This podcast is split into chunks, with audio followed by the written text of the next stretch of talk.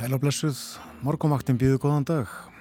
Það er þriðu dagur 20. og 8. februar, klukkunum vantan í mín 37, umsjónamaður þáttarins í dagbjörn Þór Sigbjörnsson.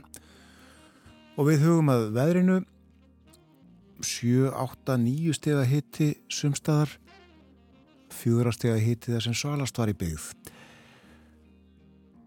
Kvast í Reykjavík, klukkan 6 vindræðin 10 metrar á sekundu en fór í 20 metra í mestu kviðu, blæsa suðaustan og áttastega hitti í höfuborginni, Súld, klukkan 6. Nýjustega hitti á Kvanneri og nánast logn þar, áttagráður í stikkishólmi, 5 metrar, lítilsáta regning, áttastega hitti bæði á Patrísfyrði og í Bólungavík, heldur kvassara á Patrísfyrði, 10 metrar þar, en aðeins tveir í Bólungavík.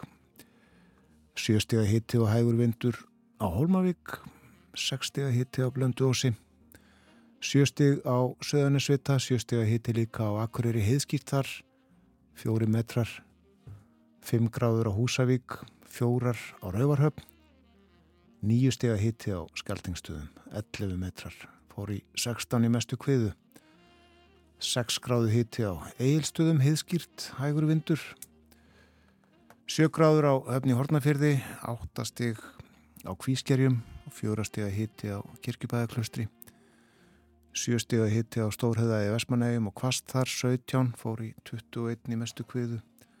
Áttastega hitti í Árnesi.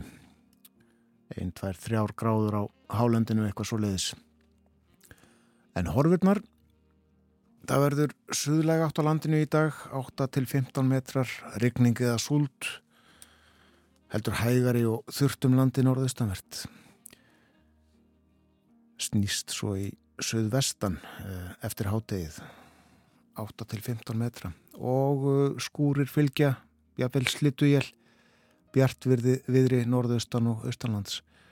Og hitti í dag 3 til 8 stig í kvöld stittir upp og kólnar og á morgun miðugudag suðlag átt 5 til 13 kvassara norðan til 10-15 þar, yfirleitt létt skið á morgun, það þyknar upp svo vestan til síðdeis með lítilsáttar vætu annað kvöld og hitti á morgun 0-5 stig. Nú uh, við sjáum og skeitum frá vegagerðinni að uh, það eru hálkublettir á Dinjandisheiði og víða rennur vatn yfir vegin yfir hana. Og enn er vegurinn í gegnum Arnarneshamar á Súðavíkur hlýð einbreyður eftir grjóð hrun þar í fyrir nótt. Og það er uh, hálka eða hálkublettir á fáeinum leiðum inn til landsins á norðausturlandi. Hálka á Dettifossvegi hálkublettir á nokkrum leiðum á austurlandi. Annars er bara við bróthólum á vegum eins og síðustu daga Norðurljósinn dansuði víða á heimni í gerkvöldi og uh, útlitt fyrir að þau gerir það líka í kvöld. Talsverð norðurljósa virkni, segi viðstofan. Klukkan átta í gerkvöldi hóst fundur í húsakinnum Ríkisáttasemjara. Hann sátu Haldur Benjamin Þorbergsson og Solveig Anna Jónsdóttir fundinum laug um hálf eitt á niðurstuðu. Lítið spustu út um hvað rætt var á fundinum. Svo kalla fjölmiðla bann. Ástráður farið þar svo leitið við þau Solveig og Haldur að þau tjái sig ekki, helst ekki um uh, það sem framfer á fundunum og uh, því fátt vitað. En uh, fundunum lög sem sagt á nýðustuði eins og sagtur meira af þessu á eftir. Og það er ímyndlegt á Dasgrá morgumvaktarinnar í dag. Við ætlum að tala um lífi klöstrum á Íslandi á miðöldum. Artur Björgvin verður með okkur líka. Og svo fjöllu við um áhrif innrásar rúsa í Úkrænu á börn frangotastjóri UNICEF á Íslandi verður hérna og svo er þetta tónlistin og uh, við uh, hlustum nú næstu mínútur á Þurriði Siguradóttur og Helga P.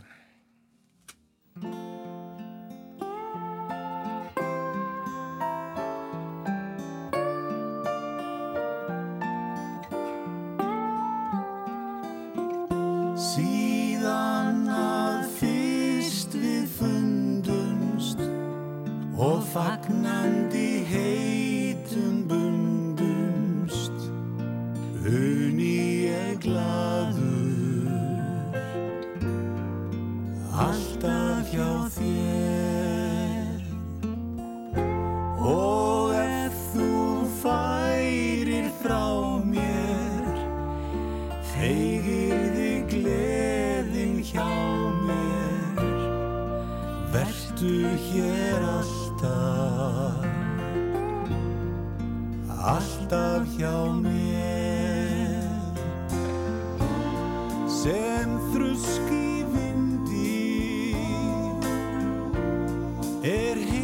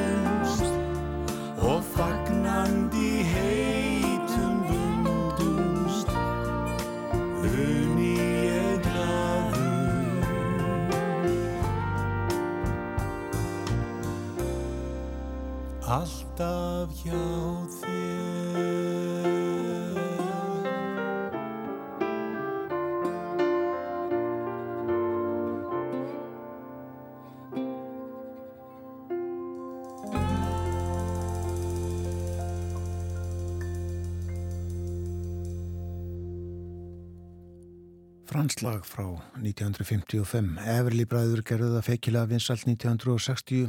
Let it be me hétt það í þeirra meðferðum.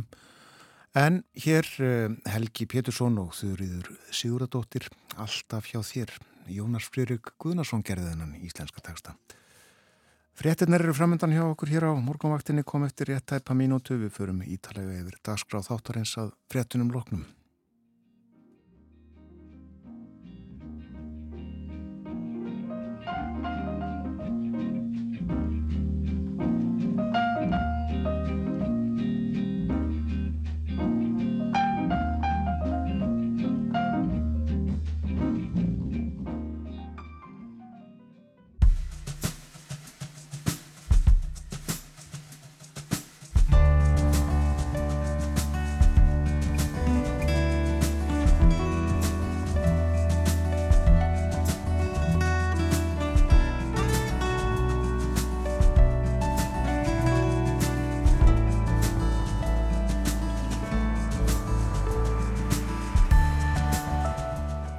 Morgonvaktin helsar og býðu góðan dag.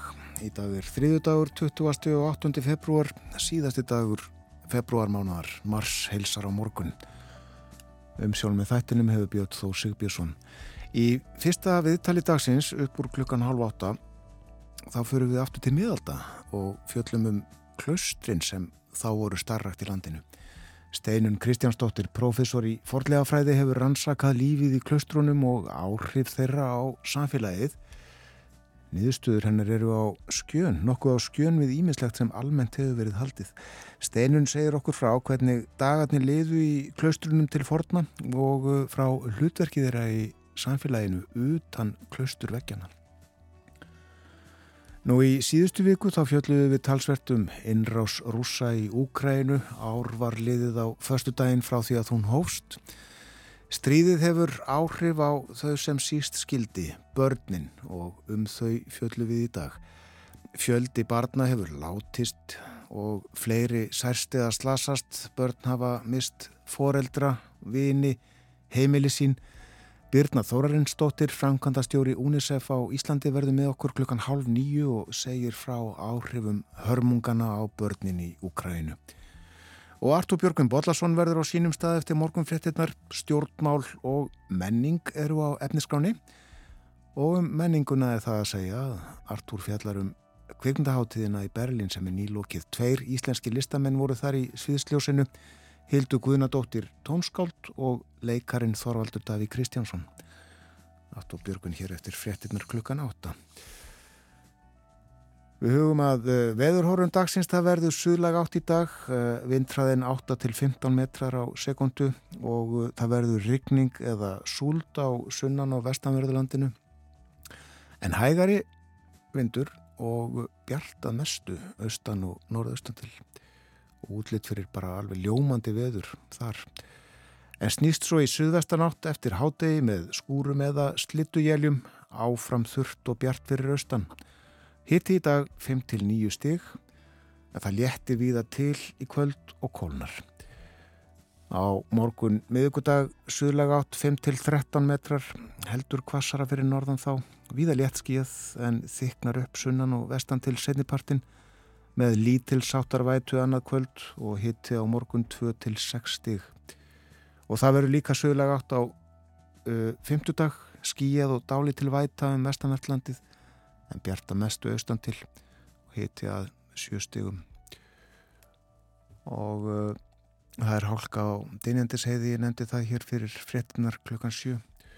Hálku blettir þar að segja og uh, viða ven, rennur vatni við veg segir í skeitunni frá vegagerðinni.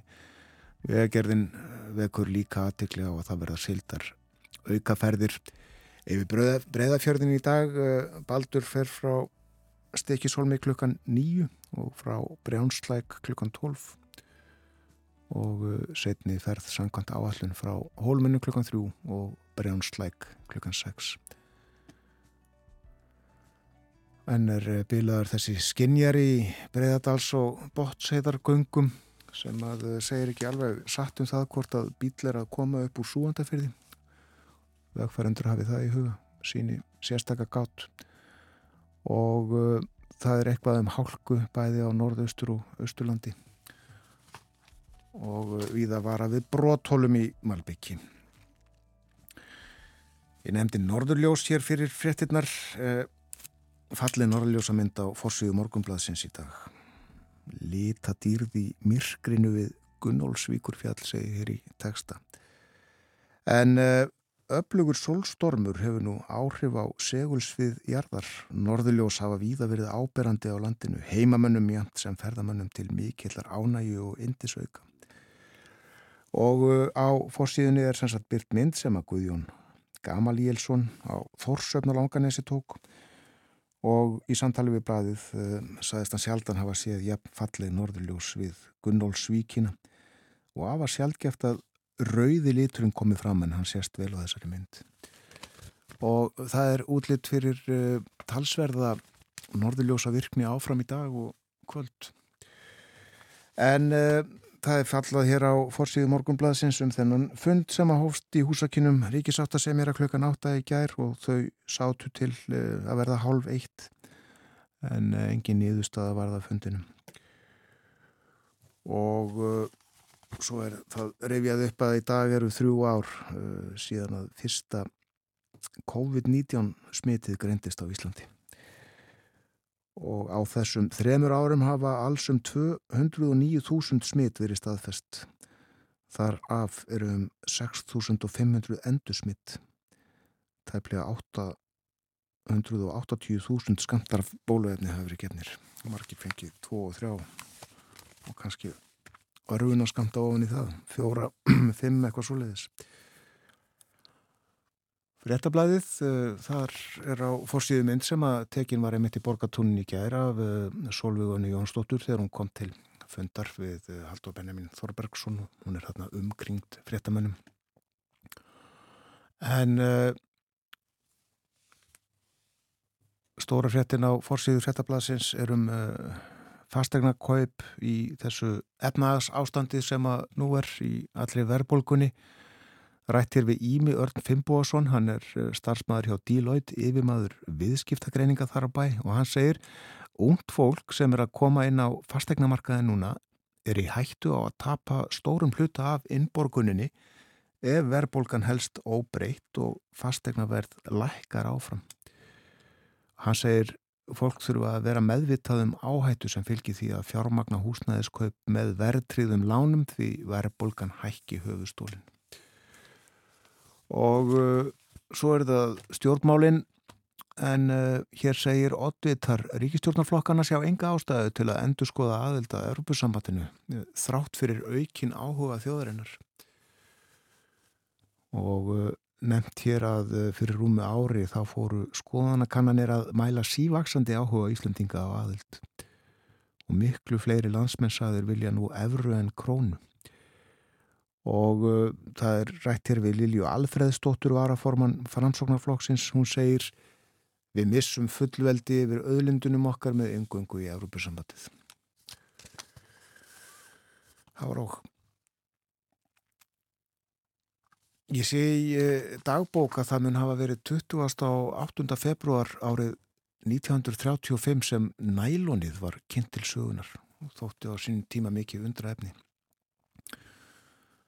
fáennum árum síðan 1940 þá sagði vísir frá tilrönum sem voru í gangi í bandaríkunum að framleiða fallívar úr næloni fram að því höfðu þær verið gerðar úr silki og ástæða þess að bandaríkjumenn fóru að prófa sig áfram með nælon fallívar var svo að silkið kom frá Japan og bandaríkjumenn óttuðust að sá dagur kynni að renna upp að Japanir gæti ekki lengur eða, eða hættu að útvega þeim silki munum að síðar í heimstyrjöldin var hafinn og um það byrj einu og hálfu ári eftir að þetta var skrifað þá gerðu Japanir árósina á Perluhöfn.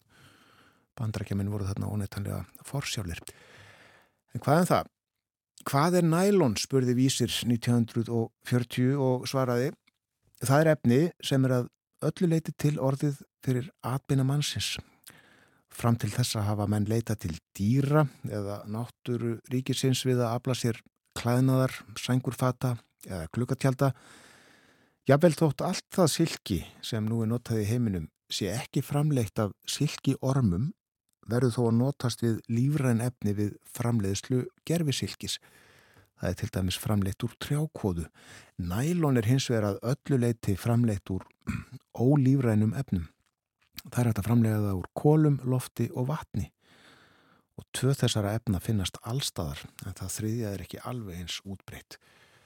Þeim er öllum blanda saman á ímsan hátt og úr brugginu verður þetta undra efni. Það er því öllum ljóst að nælon er sérstaklega þýðinga mikið á styrjalda tímum því að ekkert hafnbann getur komið í veg fyrir að efni þau fáist sem nöðsynleg eru til framneslu þess. Og svo saði ég þessari grein, setjum til dæmi svo að Bandaríkin og Japan fari í stríð. Þá myndi flugherr Bandaríkjana verða óstarfhæfur ef nælun væri ekki til. Það má því segja að styrjöldin, þótt hún sé hræðileg, ætli enn einu sinni að leika gammal slutverk, það er að hraða rannsóknum og framleiðslu á nýri vörutegund sem mun gera líf manna þægilegra þegar fríður kemst á aftur. Því að nælun hefur undraverð kosti. Það er hægt að spinna það í þráð sem er ekki þykkari en kongulóða þráður. Þessa þræði er hægt að tegja mörgum sinnum hinn að venjulegu lengt en ef þeir eru tegður enn lengra kemur í ljós að þeir skreppa saman aftur ef slakað er á og jafnvel þóttir hafi þá verið tegðir dögum saman. Þessi kostur gerir nælon sérstaklega hægt til framleiðslu silki sokka Svo það má gera ráð fyrir því að þegar stríðinu líkur þá verði næstum allir kvenleikir klættir kólum, lofti og vatni. Og því næst var í vísiskreininni fjallað frekar um efnafræði nælons og bætt við að það brinni ekki heldur bráðnaði og að vatn hefði heldur ekki áhrif á eiginleika þess. Þar að ekki grandar mölur ekki nælon, hann forðasta, finnst bragðið líklega ekki sem best, saði vísir og gat þessi lokin að nælonið kefti við silkiormin, söðkindina og burstir svína. Nælonið var svo til nýju uppfundið og ómögulegt ég að segja til um hvernig það myndi nýtast mannfólkinu í framtíðinni. Það vísir frá 1940 um þetta undra efni nælon sem að þá var nýlega búið að finna upp.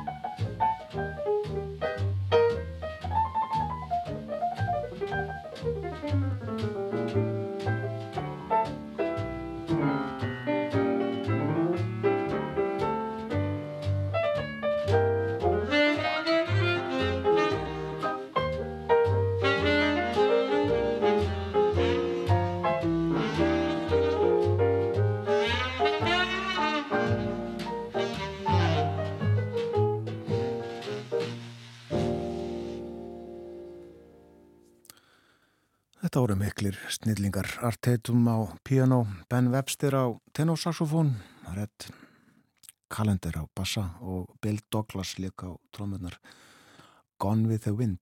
Höfundulags uh, Ali Rubel. Herb Magidson samt í texta við þetta lag. Uh, það var þetta ekki sungið þarna.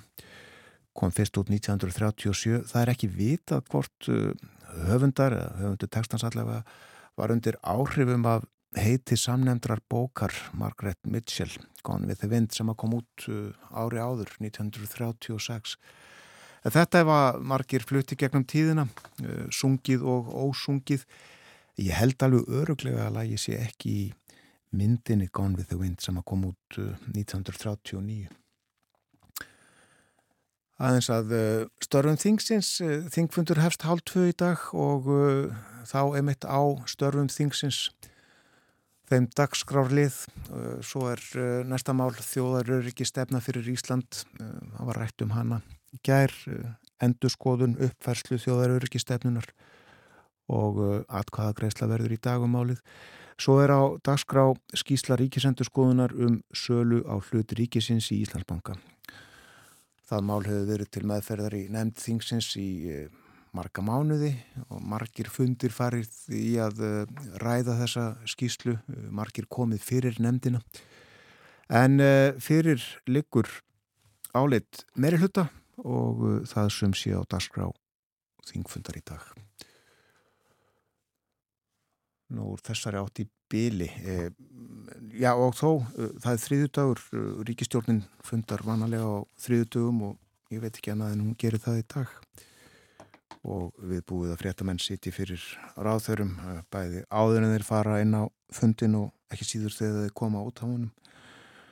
Og uh, spyrja út í mismál og uh, þá ekki síst kjaraðir aðunar munu stjórnvöld mun ríkistjórnin grýpa inn í er uh, spurt. En sátafundur hjá sátasemjara í gerkvöldi og eitthvað inn í nóttina áranguslös Förum hérna einn 110 ára aftur í tíman. Ég er stundum að lesa í gömlum blöðum og uh, rekst þá á eitthvað sem að ég var svo sem ekki sérstaklega að leita að.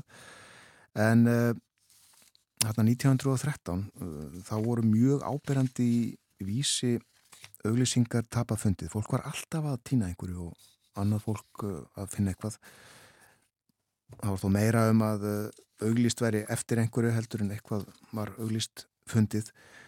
Dætt í hugað faraðins yfir það sem var ímistapað eða fundið þarna 1913 til dæmis dömu skólíf mert er fundin má beitja í Vestlun Jóns Hallgrímssonar austustræti Silki klútur, tvílitur, græn og rauður tapaðist á hverfiskötu eða hafnastræti í ger Yfirfrakki fundin á götu, vittist á lindagötu Sá sem tók í misgripum skólífarnar á Hotel Reykjavík á förstudagskvöldið er beðinum að skila þeim sem fyrst á lögaveg 42.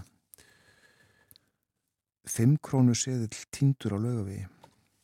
Yfirfrakki tapaðist millir hafnafjörðar og Reykjavíkur.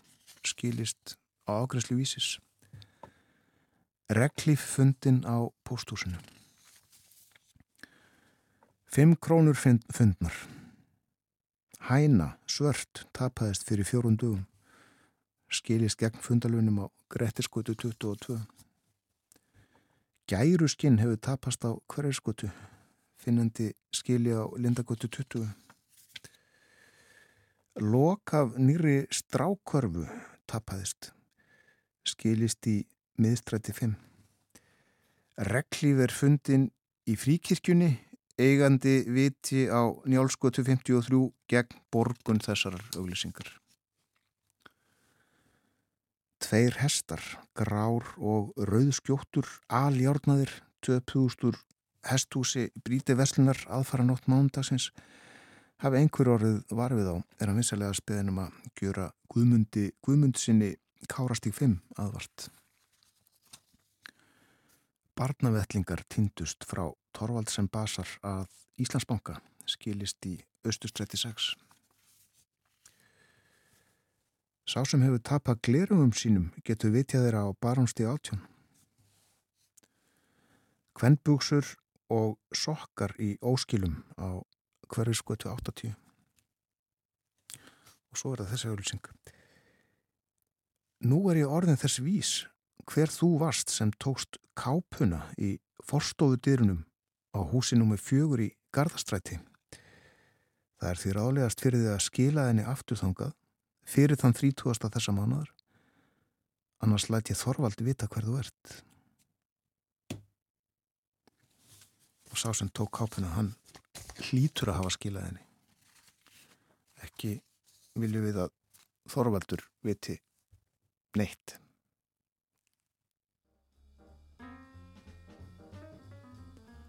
hótun þarna. Þegar var uh, beitt líka 1913 Það líður að frétta yfir liti hjá okkur á morgumvaktinni ég minni á að eftir það verður Steinun Kristjánsdóttir forlega fræðingur með okkur. Og við ætlum að tala um lífið í klustrunum á Íslandi á miðöldum, hvernig var það? Og uh, hvaða áhrif hafði fólki í klustrinu á sveitirnar í kring við fóröldnustum það. Birna Þórensdóttir Frankatastjóri UNICEF á Íslandi verður svo hér uh, hálf nýju við ætlum að tala um uh, börnin í Úkrænu nú þegar uh, rússar hafa staðið þar í hernaði heilt ár. Og Artúr Björgvin Bollarsson verður hér á sínu stað eftir morgunfrétnar allar tala meðal annars um kveikmyndaháttíðina í Berlín henni laukum helgina. Og Við tölum líka um stjórnmál útifund sem að haldin var í Berlin á laugadag og uh, fleira hann var í Teklandi fáina daga í síðustu viku og uh, segir okkur svolítið frá þeirri heimsókn. En veður horfur dagsins fyrir fólk sem var að vakna það verður suðlag átt á landinu í dag 8 til 13 metrar, rigning eða súld, heldur hægari og þurftum landi norðaustanvert og snýst í suðvestan 8-15 eftir hátegi með skúrum eða slittujeljum. Það verður bjart viður í norðaustan og austanlands. Hitti í dag 3-8 stig og það stittir upp og kólnar í kvöld.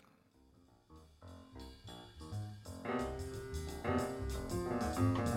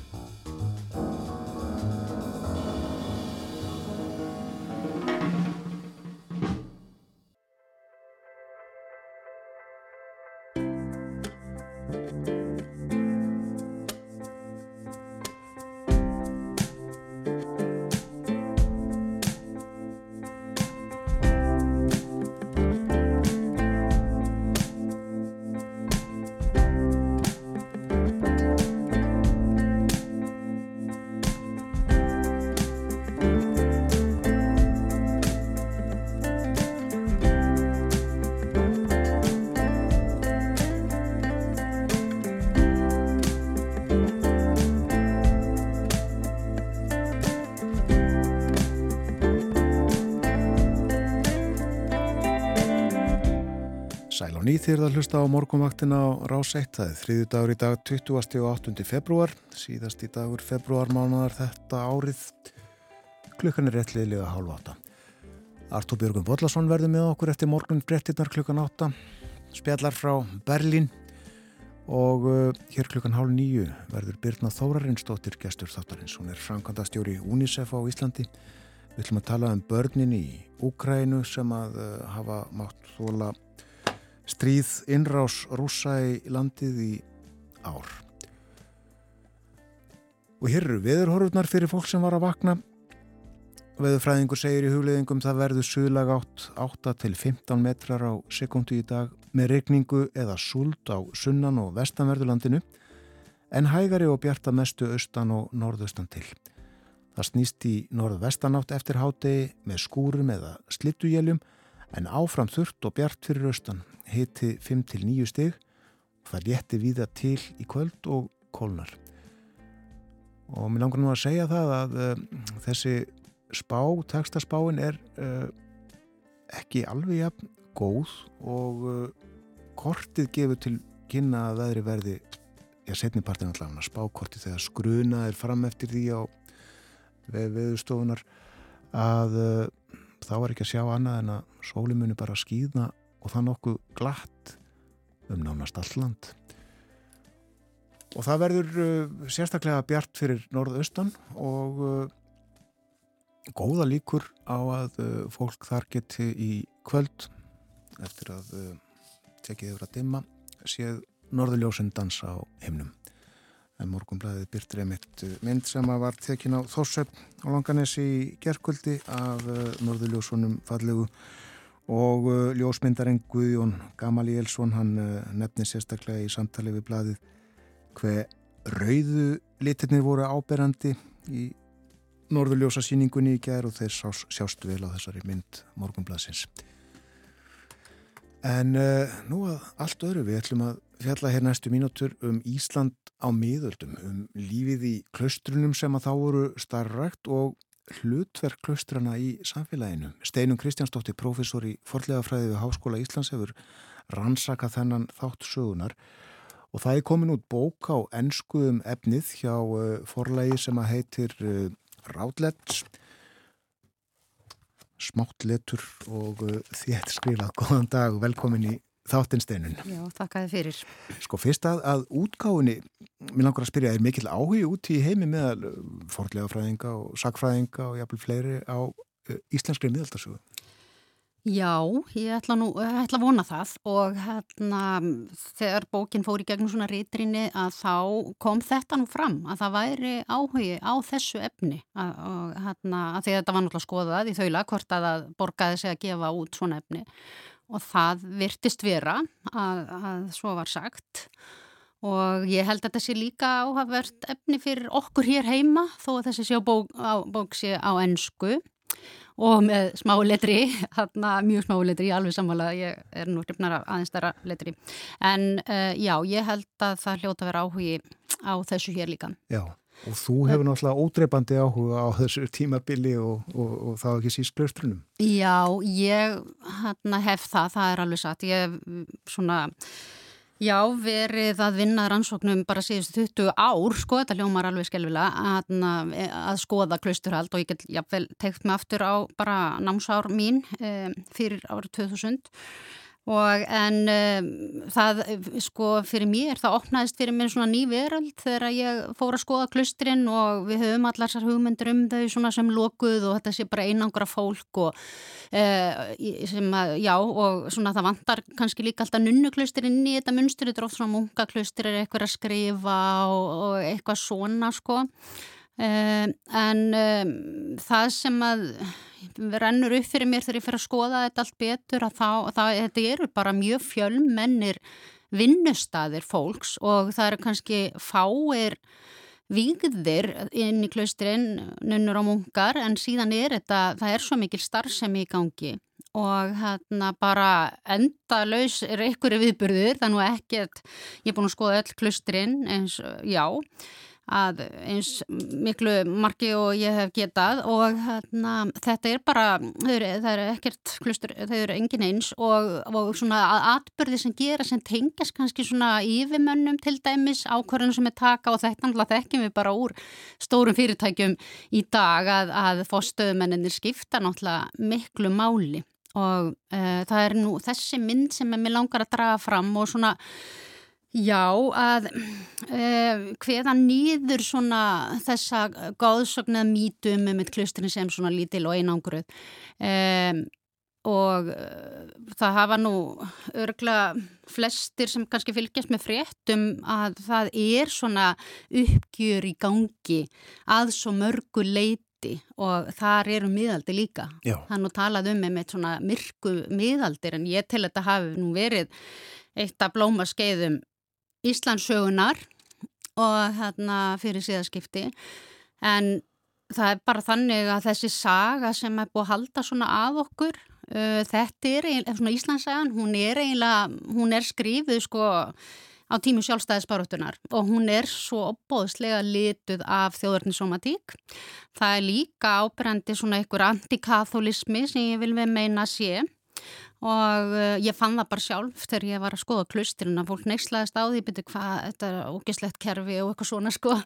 Og hérna, nei, það, þessi, þessi klustur skipti opbóslega miklu máli og E, og einmitt þetta, það er líka einhvern veginn litið á að svona ímist er sagt sko að klaustina veitt geta aðlast íslensku samfélagi því við vorum svo sjálfstæð og við vorum og allt þetta. e, meðan aðri segja að þau hafi aðlast okkur en við erum bara hluta af Evrópu. Þetta er svona þessi einangruna mýta sem að er og bara höf einangra ekki þau byggja leiðir og við, við höfum alltaf verið í hérna svona miðju þess sem er að gera. Við erum alltaf bara partur af Evrópu og, og ég vil einhvern veginn draga þetta fram. Já, en svo við uh, gerum aðeins betur grein fyrir þessu og svona staðsetjum okkur betur. Það voru uh, starrætt uh, um það vil tíu klustur í landinu. Já, það eru 14 klustur starrætt Það eru 14 já, klustur, já. voru starrætt, en sum hana, sumið var lokað snemma, kannski eftir 20 ára rekstur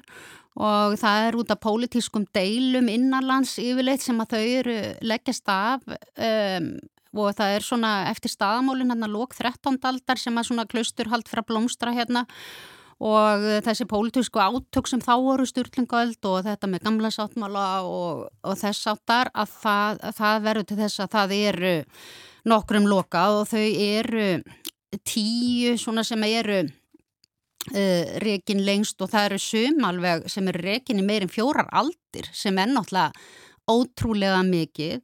Uh, og til dæmis nunnuklausturinn sem oft týnast nú í þessu samingi þau voru tvö og annað er með rekið í, í næri 400 ár. Og hérna Uh, og, og þetta, bara hefur, þetta er bara stæsta stopnun fyrir konur sko, fyrr og síðar sem er reygin á Íslandi Já. og abbadísirnar sem við þekkjum uh, þær, þær, við vitum nöfnin á þeim öllum og fullt aðbörðum og þetta og Það er, eh, sumar eru sko abbadísir í 60 ár, þetta var bara svona hana, starfs, já, starfsvettfangur sem að það er kusu sér og það er einhvern veginn svona lita alveg, þetta sé nú alveg ferlegt, alveg auðmyggja, þær voru bara settar í klaustur og eitthvað svona sko, þetta er ekki þannig, þetta er mjög eflugar konur uh, sem fóru fyrir þessum nunnuklusturum hér og einmitt rákuðar með glæs rákuðar með glæsi bra í aldir.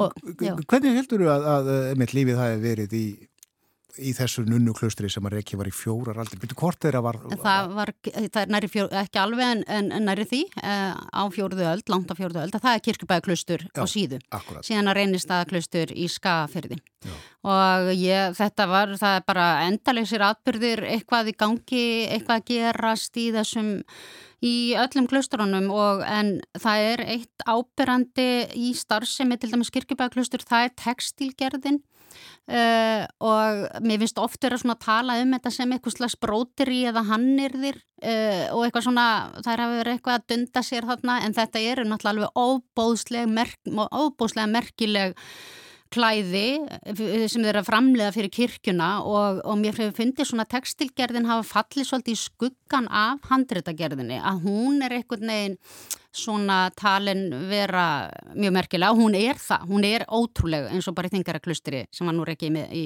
fjóraraldir að það, að ég bara skil ekki hvernig þetta var gert en ég skil heldur ekki hvernig fóru að gera alltaf, að vinna alltaf þessa textíla. Sko ráefnin, þú þarf ráefni eins og í, í bækur, það er kálskinn yfirleitt og, og þetta til þess að lita og yfirleitt voru það nú innfluttir litir eitthvað til þess að lýsa handritin og það er sama með textílinn að það þurft náttúrulega gríðarlega mikið á ull og til dæmis nunnutnar í, kirkibæði þær voru með yfir þúsund fjár og hérna e, þetta er bara stórbú á á nútímamæli hverða og, og að það þurfti mikla þekkingu til þess að til þess að gera klæði og það voru saumöður í þetta sögur Uh, oft sögur af einhverjum dýrlingum og ég veit ekki hvort að fólk hefur fylst með því að mér finnst þetta nú stór viðbörður að eitt af klæðunum sem var nú gert í, í reynistaklusturinn, nunnuklausturinn fyrir norðan, um, svo kallað Martinsklæði sem hefur verið til sínis í Louvre í París í fjöldamörg ár, ég veit ekki, eitthvað áratygi að það er á leiðinni til Íslands til láns Akkurat. og þetta er nú eitt af þessum bara meistaraverkum sem að þær gerðu og, og eins og ég segi, mér finnst bara svona kannski kannski það er ekki alveg njóta sannmælis um, já, bara, já, þetta eru stórkoslega verk og já. það eru til, það er í Kaupmannahöfn, það er eitt klæði í, í hérna, Hollandi og nokkur hérna á þauðminnarsafninu sem eru bara uh, merkileg verk eftir, eftir hérna, mörg eftir, eftir þær í, í reynistaklustri en það eru til nokkuð mörg klæði sem sennilega má reykja til kirkjubæðaklaustus líka. Hvað heldur að það hefði verið margar nunnur í klaustrinu á kirkjubæðaklaustri þegar mest var? Það er, ég held að það, það er ekki alveg vitað hvað voru margar, það voru nú hefðist að vera fleiri í reynistaklustri en það eru voru kannski 10-12 sko.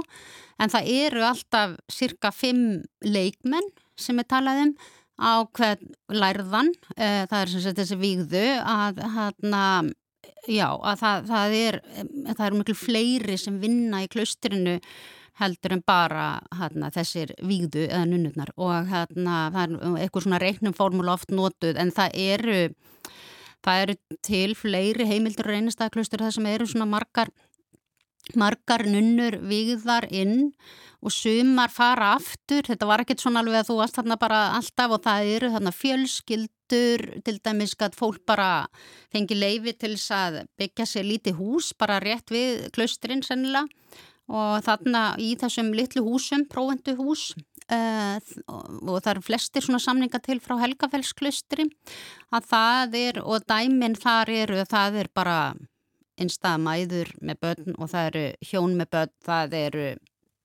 kallmenn, konur, það er bara öll flóran sko sem gæt og þá hérna Já, þessi ríkur endar gáttu þá keift sér mat í klustrinu og, eða og tekið þátt í, í þess, já, hana, já í, í helgiheldinu og eitthvað svona sem, og, og eins þetta fengi fæði og klæði og í þessum samningum er það með, það er með þess að klippinga hári og alls konar inn í þessum samningum já. og hérna þetta er bara svona þjónusta. Þetta voru eiginlega þjónustu miðstöðar? Já, þetta eru þjónustu miðstöðar. Þetta er alls konar félagslega þjónusta og helbriðstjónusta. Og... Helbriðstjónusta líka.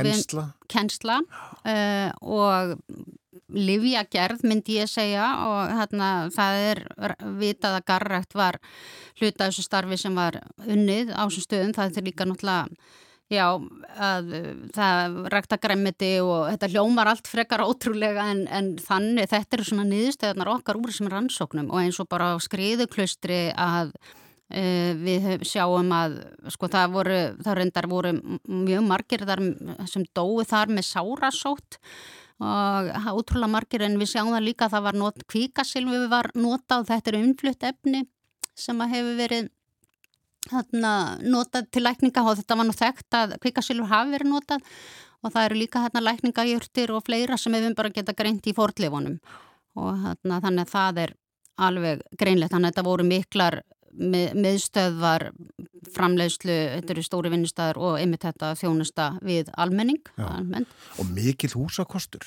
Og mikill húsakostur. Það er því miður þá eru í allar rústir af klaustrum hortnar af, er, já, eru þá onni í jörðu og við höfum verið að leitaði með jarsjám og svona og það hefur gengið ágætlega sumstaðar en, en þetta er svona yfir þetta að uh, það, það náttúrulega við síðaskiptin að þá eru það er öllum klustunum lokað 1550, það er reynda að byrja 1541 þegar síðaskiptin verði skálholti og síðan eru þau hverfaðu eiginlega svona af sjónasviðinu og ég held að það sé svona hluti af þessu, hvað við veitum lítið um þau, er það þeir, þeir voru, þeim, þeim var svona sópandi teppi, nei, já, og þau hurfu eiginlega og ég, það nú á fórsíði bókarinnar er mynd úr Hítardal af steini sem er sennilega úr klausturinu sem stóð í Hítardal, Hítardals klaustri Uh, og það var lagt af mjög snemma og, og ég tel að það hafi verið vegna þessar pólitíska átaka á 13. öll sem að það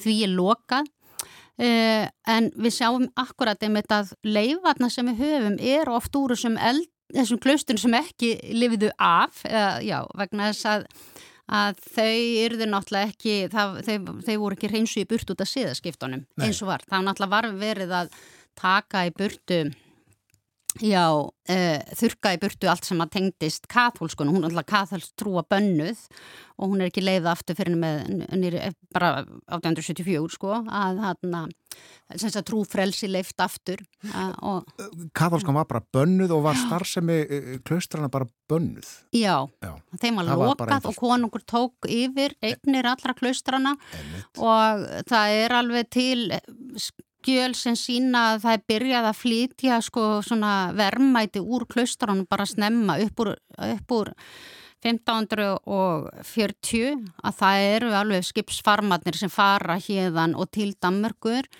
og náttúrulega allt sylfur til, og notað, þetta var í líka bara streiðsrekstur Danakonungs en ég ætla nú reyndar að taka það fram að klausturinn á Íslandi Já, þetta er eiginlega eins í öllum svona lénum Danakonungs. Ég ætla ekki að halda það fram eins og það er alltaf búið að segja Danakonungs hafa svo vondu okkur, það er nú ekki alveg þannig. Það er það sama að gerast hérna í löndunum við kringum okkur.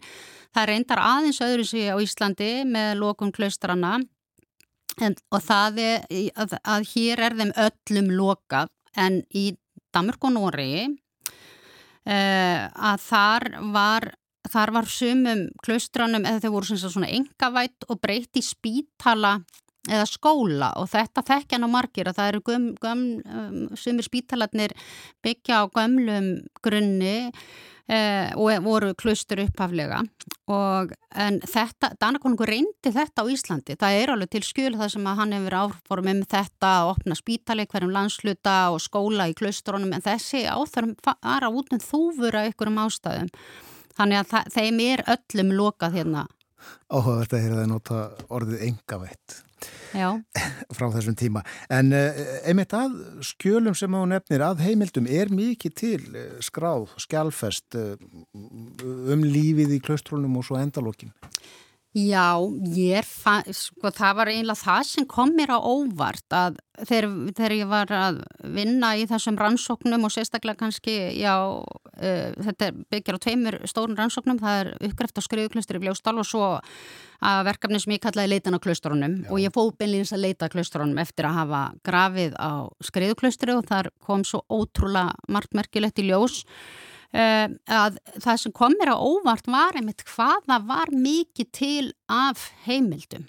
Og, og forbreyfasafnið þetta er nú 16 bindi og það er nú alveg frábært hvernig hefur verið haldið utanum það á sínu tíma. Það er nú gefið út á þar síðustöld segir maður nú seint, og hérna, að, að hvað það er aðgengilegt.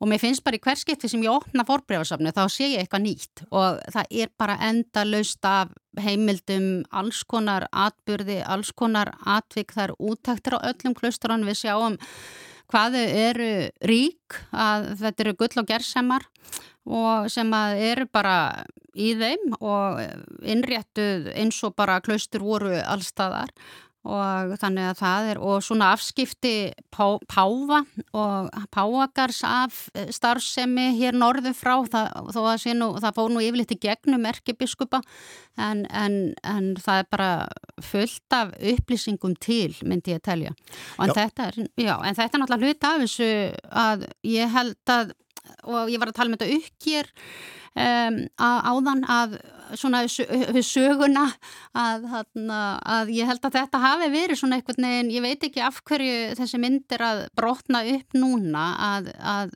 við, að þetta er svona tími sem er falin og við erum búin að lifa við það alltaf að tala um endurreysnina, það verið endurreysa samfélag frá svona ræðilegum tíma og allt þetta og, og við erum að hætta að nota þessi orð og að við sjáum að, já, það er bara búa til svona mjög gildi slaðin, slaðna skilgreiningar og hlutum. Og jafnvel bara við sjáum að kristnin er þekkt hérna á Íslandi mjög snemma. Og hér mér finnst svona, og það er náttúrulega sko, áður en klaustinu stofnu, það er hérna svona kerfi innsettu fólks.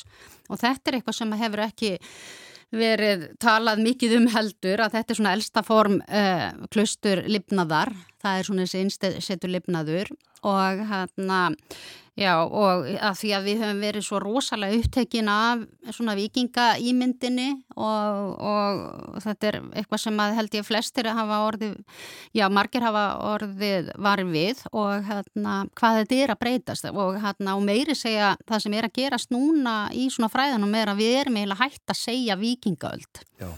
vegna þess að þetta er náttúrulega, það eru fáir vikingar á Íslandi og það og bara í nákvæmlega löndunum og að það er verið að finna því að eða er, já, fólki er ekki, ekki sátt þetta, það sé verið að kalla heila öld eftir fámennum hópi og það gera lítið úr einmitt hinnum sem eru hérna líka, það eru kristnir og svo að tala mikið um keltana og allt þetta.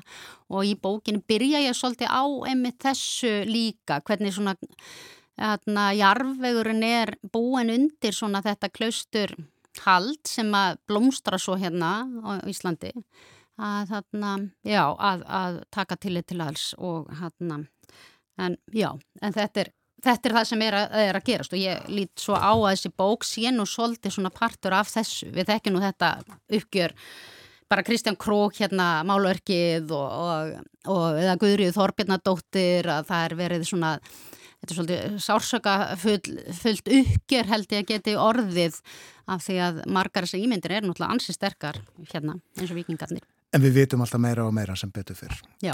Og miðaldirnir, uh, þær voru ekki myrkar þó Nei. við höfum talað þannig lengi, lengi, lengi. Þakka að kellaða fyrir að koma. Við getum vist ekki tala saman lengur það er náttúrulega komið að fréttum eða auglýsingum fyrir réttinnar. Þakka er innlega fyrir að koma Steinar Kristjánsdóttir, professor í forlega fræði við Háskóla Íslands og uh, tilefni spjalls okkar uh, útgáa bókarinnar uh, Monastic Iceland hjá Erlendu Fólagi. Og eins og ég sagði fréttir framöndan uh, fyrstu auðlýsingar eftir fréttir verður Artur Björgum Bóllarsson með okkur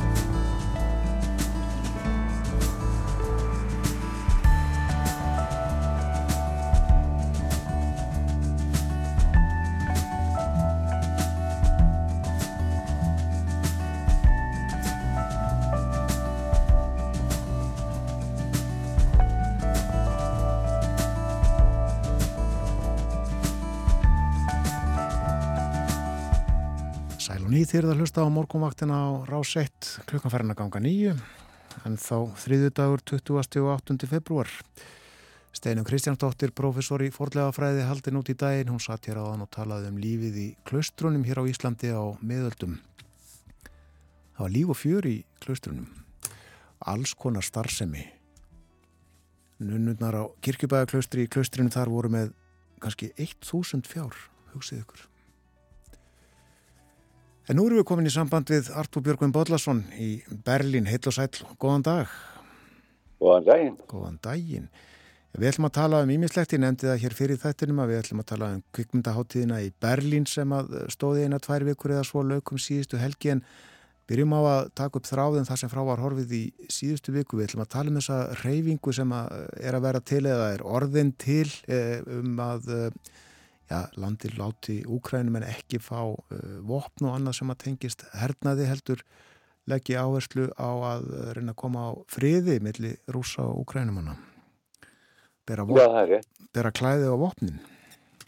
Mitt og þessi reyfing sem þú minnist á uh, hún endi einmitt til útifundar eða fórustu menn hennar endur til útifundar uh, hérna við Brandenborgarlíði í Berlin á lögðardaginn var og það kom nú mörgum á óvart uh, að þrátt fyrir leiðinda veður, það var svona gustur og, og regning þá sapnaðist mjög mikil meðanfjöldi saman við, við þetta sögufræðarlið og, og uh, lauruglan sagði eftir á að þetta hefði verið í það mista 15.000 manns en uh, skipulegendur út í fundarins uh, töluðum 50.000 og þess vegna er nú sjálfsagt rétt að fara að byrja begja og rekna með að þarna hafi verið kannski kringum 20-25.000 manns en svolítið erfitt að telja fólk á svona fundum. En Þetta var sem sagt uh, törverður fjöld, mannfjöldi miða við veður og uh, önnur sem sagt þessar að tvekja hvenna voru tvær konu sem stóðu fyrir þessu fundirunni, það var Alice Schwarzer sem er þekktur feministi, þekktasti feministi í Þískarlands og hefur barið fyrir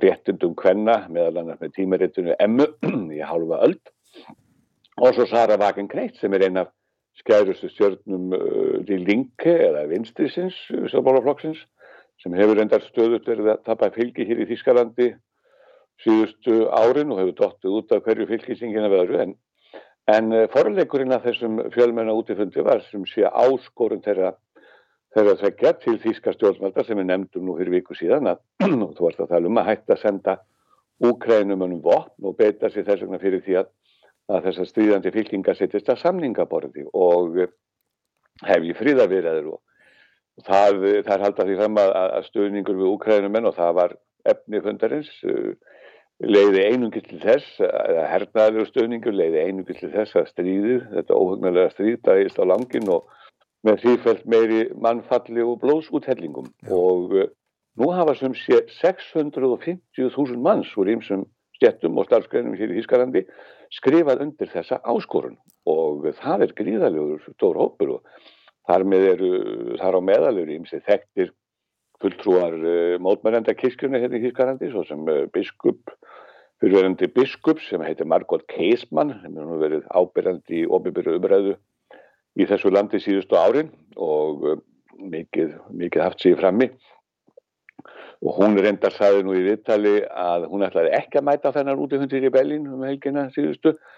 Hún væri hlind fyrir að þjóðverðin hætti að senda vopn til Úkræn og hinbóin væri henni ljóst að uh, margir nínasistar og félaga til dæmis í aukafloknum alternatífi fyrir Deutschland eða FD myndu uh, koma á fundin og uh, það var í félagskapu sem hún kærði setju um að vera orðu við og það kom reyndar að daginn að, að Kessmann hafi rétt fyrir sér á fundinum á lögða þá sáust, eða sást til skulum við segja, myndi segja einstaklinga í mannfrönginni sem að eru félagar í svona hæri aukarsamtökum eins og tegi.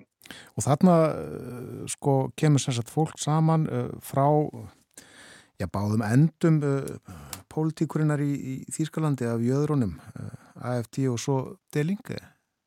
Já, það er svolítið sérkennileg suða, samsuða og það sem að má segja sem sagt að það sko enginni þetta fólk að þó að það sé ólíkum svona ólíkum endum í stjórnmálunum að segja þá er það, það vaklandi svolítið í afstöðu sinni til stríðsins og það er bara fjöldi fólks hér í Þýskalandi sem óttast að, að ef að vestarannar sjóður halda áfram að senda Úkrænum ennum hergögn og jáfnvel enn meiri hergögn og, og, og öflugri heldur í gert við verið og haldi þar með áfram að, að láta stríði ganga og þá geti ófriðurum farið að breyðast út.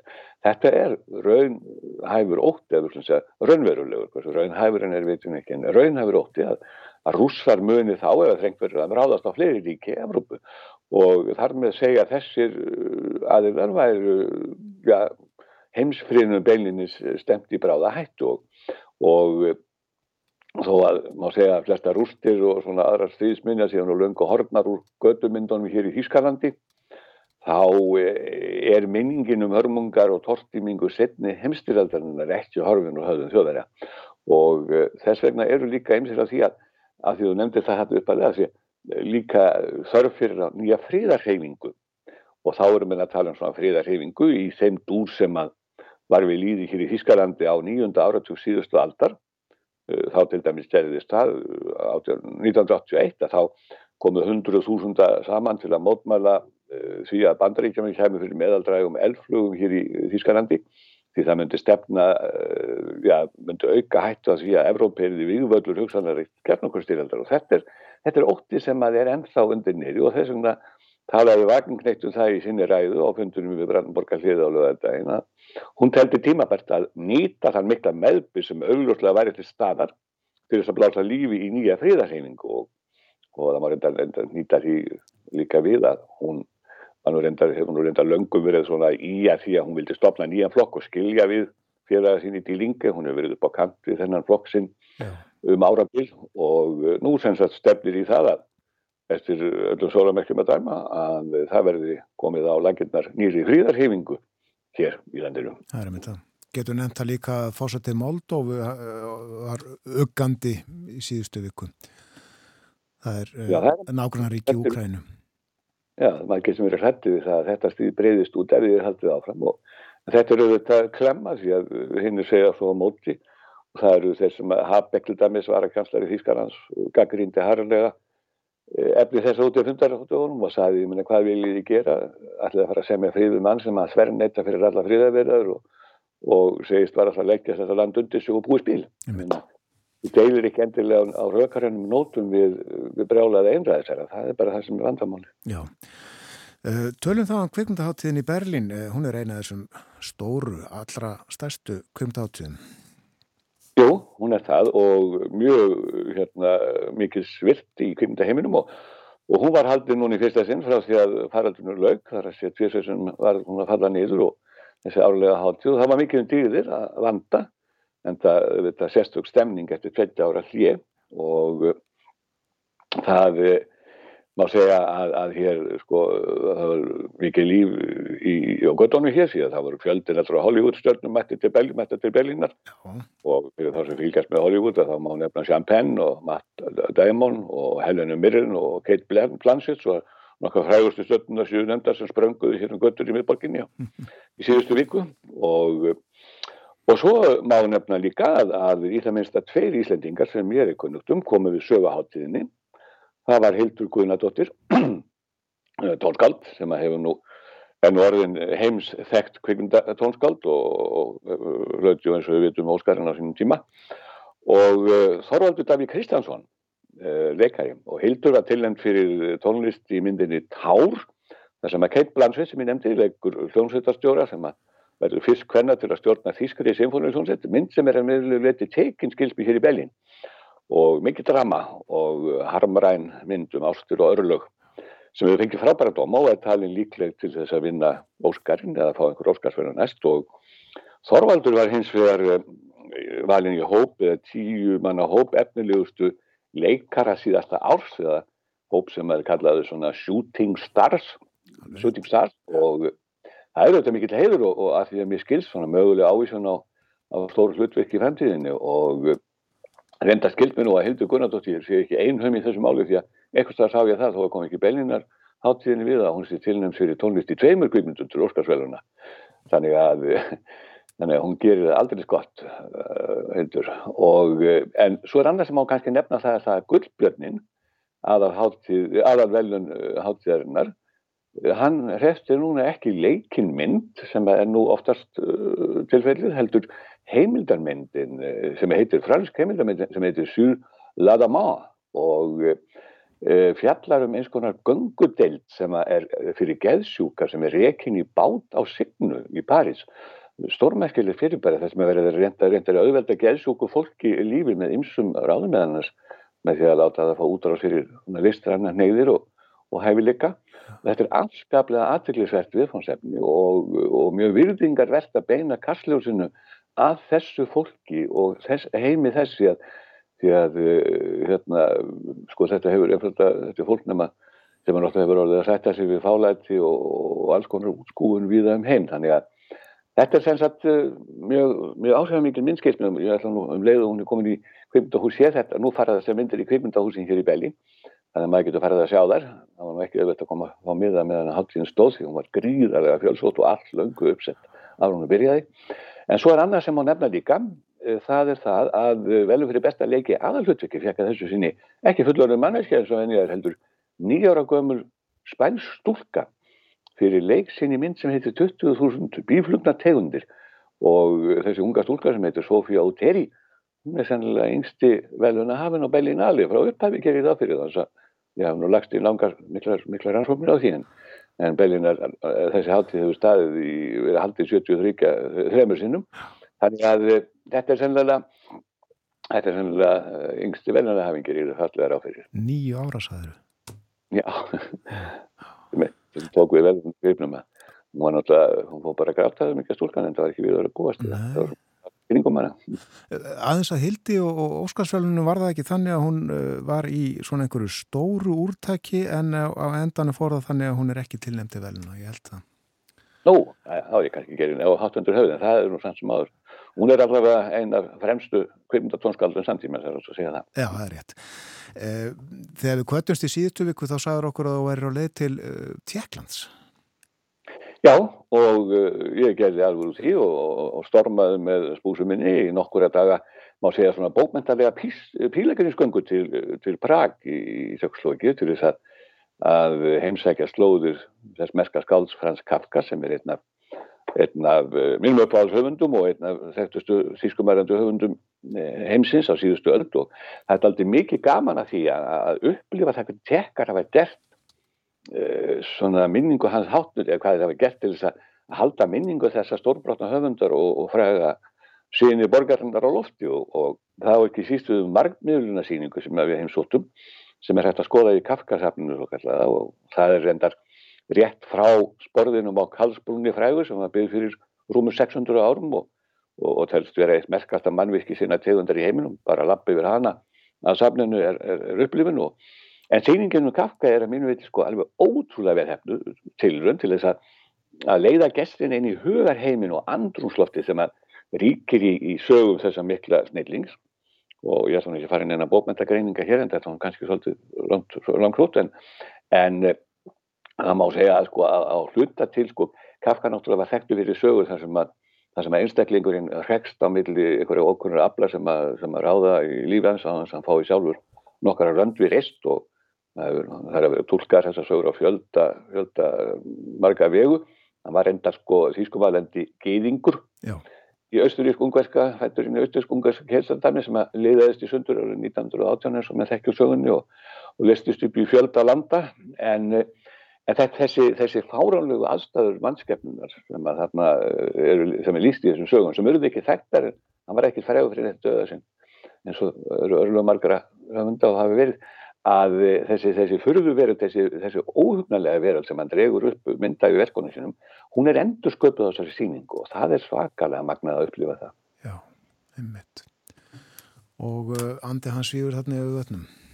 Já, það eru líka minnisvæðar um hann í borginn, til dæmis höfuðu sem er afskaplega magnað, það er 11 metra hátt og stórt höfuð sem er hægt að fyrir utan innkaupameðstöð í borginni sem er hreyfist og er gert úr stáli, stálblíkum marg tonna á þingskilsmir og á mjög áberðandi stað í, í, í, í Prag og svakalega magna að upplifa það. Þetta var listamæður sem vann þetta árið 2020, þetta er ekki um að tvekja ríkjara gammalt og um, upplifun að standa, þegar maður er búin að skoða síningur að standa þá fyrir fram að þetta höfuð og lappa svo yfir Karlsbrúna uh, og hérna niður með Moldónni.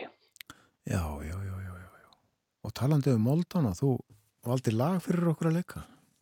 Já, það er náttúrulega sko, þegar Moldáin er nefnda þá og, og þegar maður ferum slóði Kafka í Prag þá verður það nefna tónskaldar Smetana, þetta er því stórkostlega tónlist og stórkostlega tónverk um Moldána sem að rennur í gegna þessar gamlu og sögufröðu borg og við síldum einmitt á Moldáni og svo heppinu við vorum einn á heilri ferju, það var engin annar um borð með skipstjórin og það var mjög mikil upplifun En þetta, þessa á sem er ennur í gegnborginni gerði smett hana ódöðlega í þessu tónverki sínu og það sem að mér fannst nú alveg tilvæði að heyra kannski svona í lokinu þessu spjallokkar var, var, þessi, var upphafið þessari dásamlegu tónsmíð því að, og ef ég með skilst rétt að þá hafið þið fundið það í flutningi félagharmónu Sveitarreina hér í Berlín og mann kannski skjótaði inn að síðast árið sem Kafka lifið eittan tölvurum tíma hér í Berlín en það er efni aðra sögu. Já. En og það er bara Daniel Barenboim sem að mentanlega stýri þessu ef ég þykir rétt.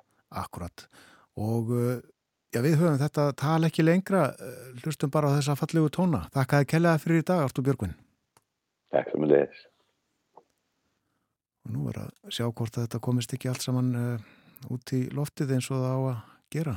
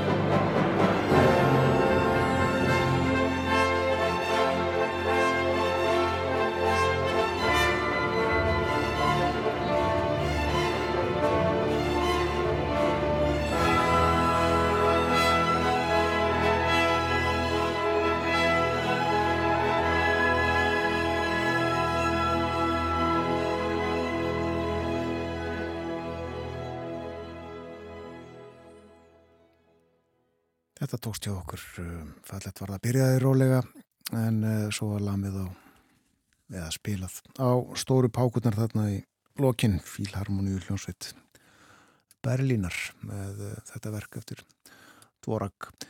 Tónlistin fjölbreytt á morgumvaktinni þennan morgunin, við hlustuðum á franst dægulag í íslenskum búningi fyrir sjö og uh, melli sjö og hálfa átta var það bandarísku jazz og núna uh, tjekknesk snild.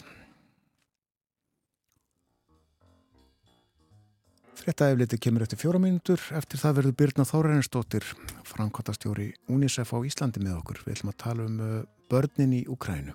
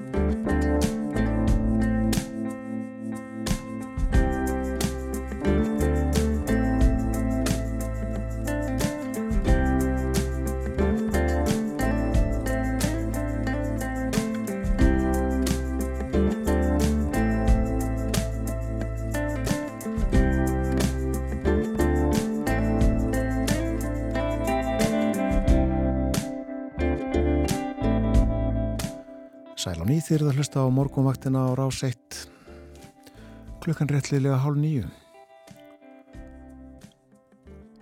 Stríðsregstur rúsa í Ukrænu hefur nú staðið í eitt ár og fjóra daga. Við fjöldluðum hér á morgunvaktinni í síðustu vikuðum ymsar hliðar innrásarinnar og höldum því áfram í dag og að þessu sinni beinu við sjónum að börnunum í Ukrænu. Fjöldi barna hefur látist, fleiri særst eða slasast, börn hafa mist foreldra, vini og heimili. Hér er Birna Þórainsdóttir, hún er framkvæmtastjóri UNICEF á Íslandi. UNICEF er barnahjálp saminuði þjóðuna en þess má geta að saminuði þjóðunar komu UNICEF á fót í kjölfar heimstýrjaldarinnar síðari einmitt til að vinna að hag barna sem sá hildarleikur bitnaði yllilega á velkomin í þáttin. Takk fyrir, Kjalla. Mér langar að byggja þig allra fyrst um að uh, segja frá samantæktið eða skýslu sem að UNICEF tók saman og gaf út í tengslu við það að ár var liðið frá einnarsinni.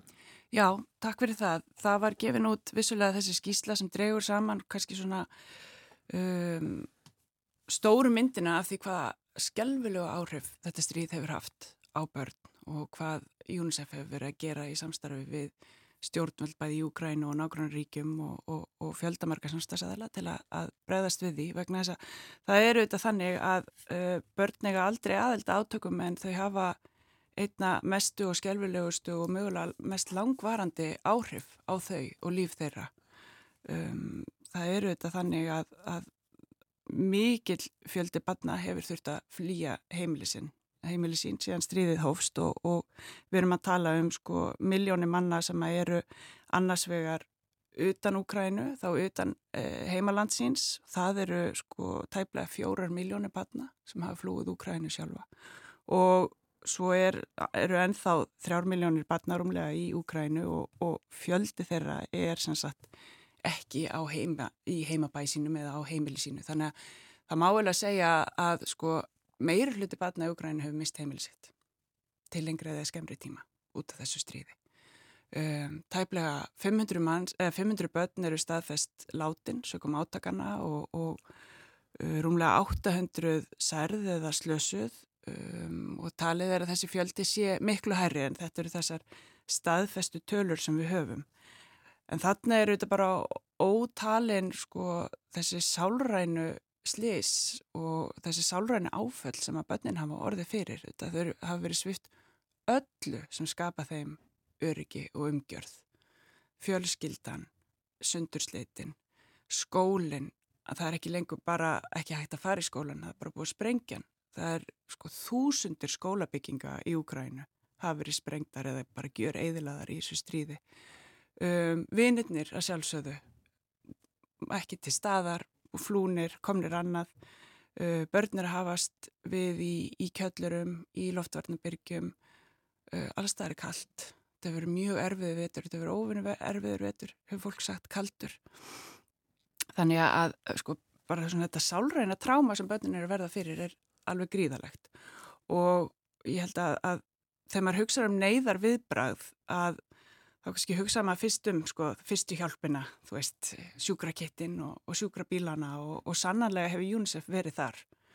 Um, UNICEF var meiri segja búið að sjá fyrir, um, að sjá fyrir, það var alveg ljóst í hvað stemdi og, og Batnahjálp saminuð þjóðana UNICEF starfar á vettvangi í yfir 190 löndum og þekkir aðstæðar eins og þessar, vita hvað gerist ef að neyðsta skapast eða ef stríð brýst út. Og það var búið að koma fyrir neyðabyrðum í landinu um, á einum sex stöðum í landinu áður en átökinn hófust.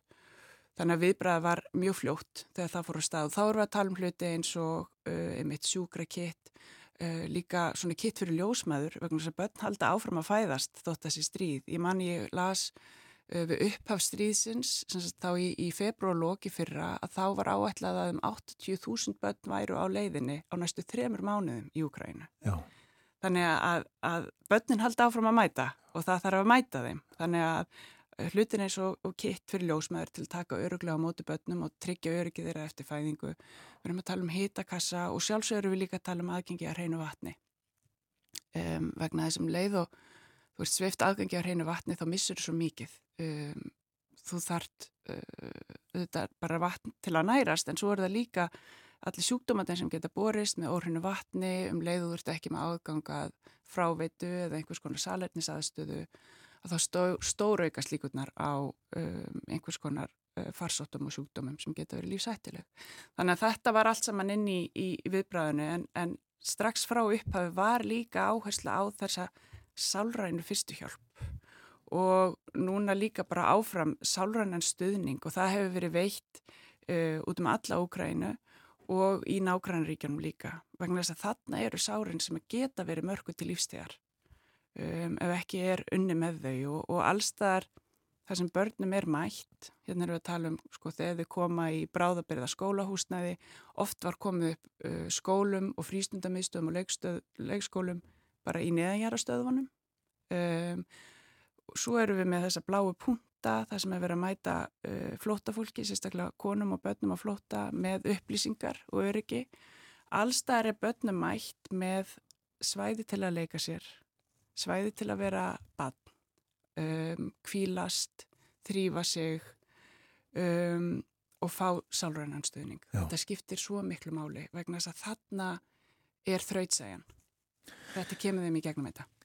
Við getum líklega flest uh, veitt hlýju og umhyggju en það þarf uh, fagfólk sálfræðinga vantarlega til þess að hjálpa þessum börnum líka. Já, já, akkurat. Þetta er, uh, þetta er fjölþætt aðstóð þannig að til dæmis ef við horfum á viðbræði innan Úkrænu sem hefur líka verið uh, gert sagt, uh, á flóta leiðunum að þá hafa verið svona færanlega teimi, getur við kallað á íslensku, þá er þetta bara teimi fagfólks sem fer á staði þar sem að fólk er um, til dæmis kannski staðir í Úgrænu þar sem fólk er fast eða kemst ekki eða bara vill vera áfram. Og í teimunum er alltaf félagsráðgjafi, það er sálfræðingur, það er lögfræðingur og það er læknir. Til þess að mæta þessari uh, ég rauninni mæta neyðinni hver sem er, hver sem hún er og, og hérna, þannig að jú, það er mikil þörf fyrir fagfólk og það er að störfum, svo sannlega. Já, og UNICEF uh, með mjög umfangsmikið starf í landinu og ekki síðan ágrannlöndunum eins og Pólandi. Já, já, og sko, ef við horfum bara á Pólandi, þetta fjöldin sem hefur flúið þangað er, er gríða mikil og uh, þar hefur til dæmis verið sko, þurft að finna skólapláss fyrir, ég held um, um halva miljón badna Þannig að þú veist, verkefnið er risavaksið um, en UNICEF hefur unni með stjórnvöldum í Pólandi og Úkrænu að því að tryggja áframhaldandi mentun úkrænskra batna hvar sem þau eru. Það hefur líka verið stór hluti af viðbræðinu. Það er að tryggja þennan, þessa, þessa samfellu í mentun vegna að börn missa svo mikið þau dættu skóla og það verður svo erfitt að koma aftur. Um, og núna er það einu stóra áherslunum fyrir 2023 Uh, það er að tryggja bara áframhaldandi aðgengi úkrænskra batnaðamentun og það er búið að koma lagirnar svona um, mentaverkefni á netinu sem er bara það sem að öll börn geta sagt, sótt mentun á úkrænsku og þetta er sem sagt unnið af úkrænska mentamálurraðandinu og með stuðningi UNICEF og fleiri um, til þess að mæta börnum í rauninu hvar sem þau eru, hvar sem þau eru í Pólandi eða hér á Íslandi eða í neðanjarðar lestarstöð einhver staðar í í, í borgum Úkrænu eða, eða heima hjá sér. Um, og þannig erum við líka að sjá áhrifin, sálröna áhrif stríðsins vegna þess að sko frá Úkrænu erum við að fá tölur um að um 15% ungmenna eru að hætta í skóla bara út af sko sálrætni streitu. Þau bara eru ekki andlega tilbúin til þess að mæti í skólan. Þannig að, að það skiptir líka miklu máli að hafa sálrænanstöðning í skólanum og mæta börnunum það sem þau eru. Já, en varðandi e, farsóttir og sjúkdómasæðun endur á hann hefur tekist að, að koma í vekk fyrir að slikt brjótist út. Veistu það? Um, já, svona heilt yfir. Sko, Úgræna e, var í sérstaklega stöðu fyrir stríðið vegna þess að um árabil haf, hafði Úgræna verið með uh, mjög lága, lágt hlutfall uh, bólusetninga heilt yfir og það var búið að vera átæk í gangi síðustu árin þannig að, að þau voru búin að sko tvöfalda hlutfallið á bara nokkrum árum og voru komin upp í 88% cirka uh, 2019 en innviðnir voru kannski veikari heldur en í mörgum öðrum Evrópuríkjum. Þannig að, að sko uh, það hefur verið hluti af viðbræðinu hjá UNICEF. Það er uh, að fara inn í og tryggja áframhald bólusetninga til þess að koma í veg fyrir, eins og við segjum, farsóttir. Og þær getur þetta líka verið ekki bara út af skorti af, af bólusetningum heldur líka skorti af, af reynlæti og reynu vatni eins og ég komin á áðan. Um, en þannig að sko svona innviðnir og, og svona samsetning fólksins var kannski aðeins veikar fyrir hvað var þar sjúkdóma sem við myndum halda að væru dagstaglega ekki vandamál, þannig erum við að tala um um mislinga og mænusótt og, og hérna, stífkrampa líka. Þannig að það er búið að vera stórt bólusetningar áttak uh, bara á síðusta ári og líka verið að byggja upp í rauninni uh, aðstöðu til þess að halda bólusetningum áfram. Þannig að þannig erum við að tala um að tryggja kælikeðju, að sjá til þess að það séu til nóg af uh, réttum kælum á heilsugjæslustöðum og, og hvar sem það er verið að veita heilsugjæslu í Úgrænu fyrir utan auðvitað bara einfallega að tryggja bóluefnin sjálf. Já. Þannig að það er búið að senda sko uh, yfir 100.000 skamta bóluefnum gegn uh, mænuvegi held ég alveg örglega að það hafa verið, ég með tölurnar uh, og gett kíkt á það hérna. Uh, við erum að tala um svo er þetta bara COVID ennþá, maður gleymi því. Já. en COVID er ennþá. Já. og það var bara verið að bólusetja ekki að COVID í Ukrænu þegar stríði breyst út. Þannig að það er búið að, að sérst, bæði hraðpróf fyrir COVID uh, við erum að tala um bóluefni 700.000 skamtar á bóluefni gegn stífkrampa um, og 200.000 skamtar gegn mænuveiki til dæmis. Þannig að það er ennþá verið að, að halda þessu áfram frutan bara að það búið að senda 15 sjúkrabíla til Úkrænu um, og veita auðvitað bara helbreyðis aðstótt til sko 100.000 manna á, á þessu tímabili. Þannig að, já, vegna sem annleitt líf heldur áfram í allir sinni mynd, bara undir miklu erfiðari kringustæðum heldur um vennilega. Það er mörgu að higgja þarna og aðkoma UNICEF uh, umfangsmikil. Uh, hvernig hafið þið hér, eða ég var að segja bara við, lagt höndafló? Um, það hefur verið ótrúlegt að fylgjast með stuðningi Íslendinga við uh, stríðið, eða þess að stýrunni við úkrænumenn og, og við viðbröðum við stríðinu fjáröflun uh, UNICEF í fyrra sló öll með um, við hefum bara aldrei sitt tölur eins og þessar. Um, bara hjá UNICEF uh, á Íslandi söfnust yfir 170 miljónir króna sem við hefum sendt það til Úkrænu Það eru framlög frá fólki og fyrirtækjum? Það eru framlög frá, frá fyrirtækjum, það var ótrúlega uh, mikil stuðningur sem barst frá fyrirtækjum en líka íslenskum almenningu, svo ummunaði við vorum með sjóansþátt hérna uh, fyrir rétt tæpu ári síðan þar sem við vorum akkurat að fjalla um Ukrænu og önnur verkefni UNICEF við þeim um heim. Og þarna skiptir líka svo miklu máli bara áframhaldandi mikil stuðningur Íslandika í gegnum heimsforaldraverkefni í UNICEF. Um, og það er í rauninni besta verkefni til að styðja að mínu mati, sérstaklega mann kannski fallast stundum hendur þegar maður les fréttinnar og, og, og finnst einhvern veginn verkefnin við að bjarga heiminum vera svo risavaksinn að maður geta eitt gert. Eh, en það er svo sannlega hægt að gera eitthvað. Vegna þess að með því að vera heimsfóraldri sem er þá mánalegu styrtalaðileg í UNICEF að þá ertu að styrkja starfi eins og í Júkrænu það voru það fjármagn eins og það sem sapnast í gegnum heimsfóraldrana sem tryggðu þetta neyðaviðbrað fyrir stríðið svo er það bara þegar stríði skapast og þá fara allir að sapna fyrir neyðinni sérstaklega. En það eru, það eru svona framlög sem tryggja að UNICEF er til staðar í Ukrænu áður en stríði brýst út er til staðar í Tyrklandi og Sýrlandi þegar jarðskjáltandir eiga sér stað er til staðar í Haiti sem er staður sem er uh, svo illa statur uh, og svo glemtur því meður uh, en þarna er UNICEF að störfum um, og heimsfólkdrar eru hjálpað þarna.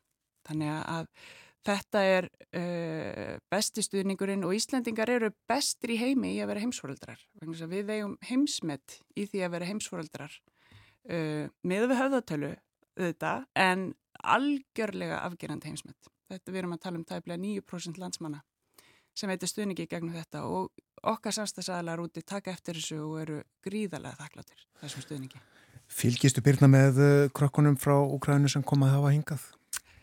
Ekki eins mikið og ég get. Ég, við erum í rauninni uh, ekki okkar starf sem er hér á Íslandi, snýr ekki beint að, að þeirri þjónustu sem að þau fá hérna á Íslandi en, en við tökum þátt í að, að styrkja í rauninni Við erum í samtalinu með stjórnvöldum til að, að bæta aðbúnað barna sem koma að hinga á flotta.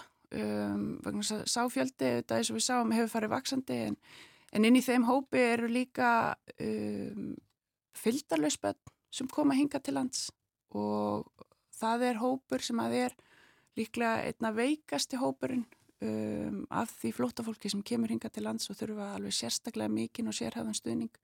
Þannig að við hefum líka verið í samtali um að, að, að styrkja alla þjónustu sem þau fá og tryggja réttindi þeirra þegar þau koma hinga til lands.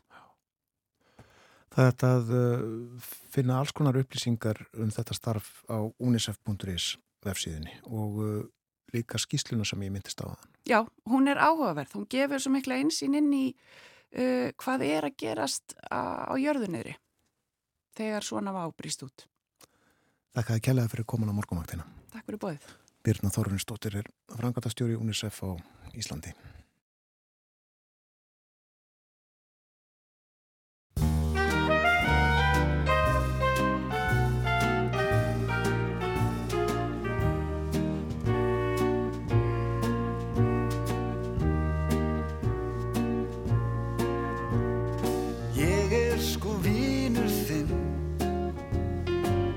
Lámesti vínur þinn Gangi ítla fyrir þér Allt á skakk og skjön Hvert sem lítið er. Það skaltu mun að vístum þor frá mér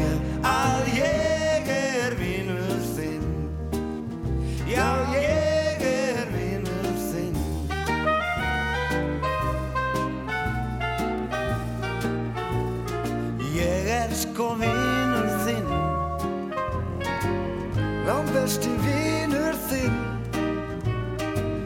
Mér leiðist margt sama segi ég. Já, tilveran er ekki alltaf dásamleg. Það skaltu mun að vístóms orð frá mér Að ég er vinur þinn. Já, ég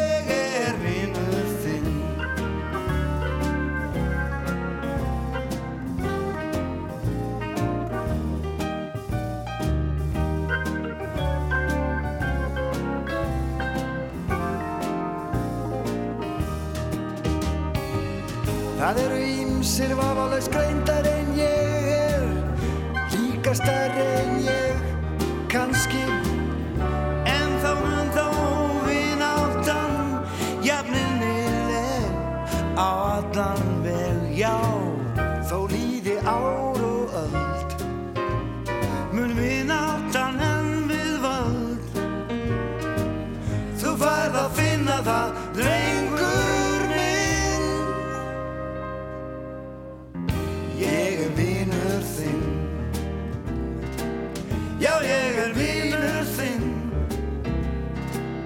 Al besti vinur þinn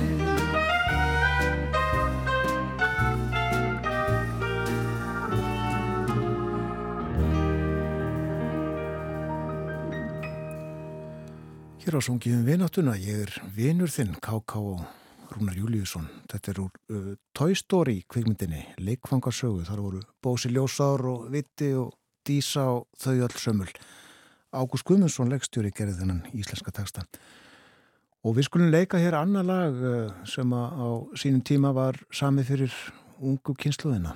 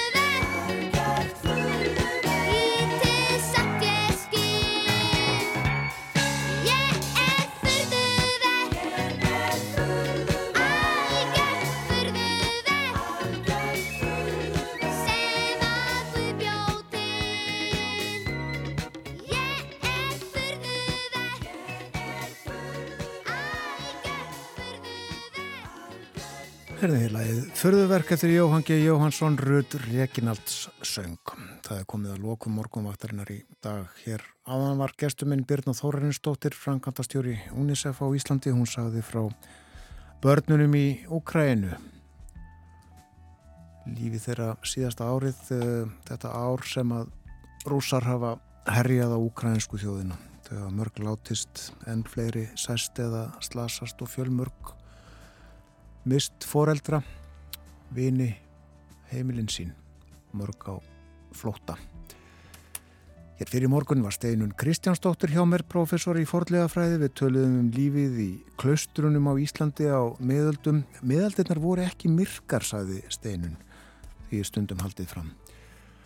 Og uh, svo var Artur Björgman Bodlason með okkur. Uh, töluðum aðeins um uh, kveikmyndaháttíðina í Berlin henni laukum helgina og uh, Kafka var líka rættur en uh, Artur Björgun var á dögurum í Prag í Tjekklandi og fór meðal annars á sapn þar í borgum Kafka og uh, það er þetta nálgast verk hans á íslensku. Þeir feðgar Eisteit Þorvaldsson og Ástráður Eisteinsson hafa þýtt, uh, já líklega bara flestar bækur Kafka eða verk hans En lengri verður þátturinn ekki í dag. Við bjóðum góðan dag í fyrramáli þegar klukkunum vantar tímintur í sjö. Ég þakka samvildina. Njóti dagsins.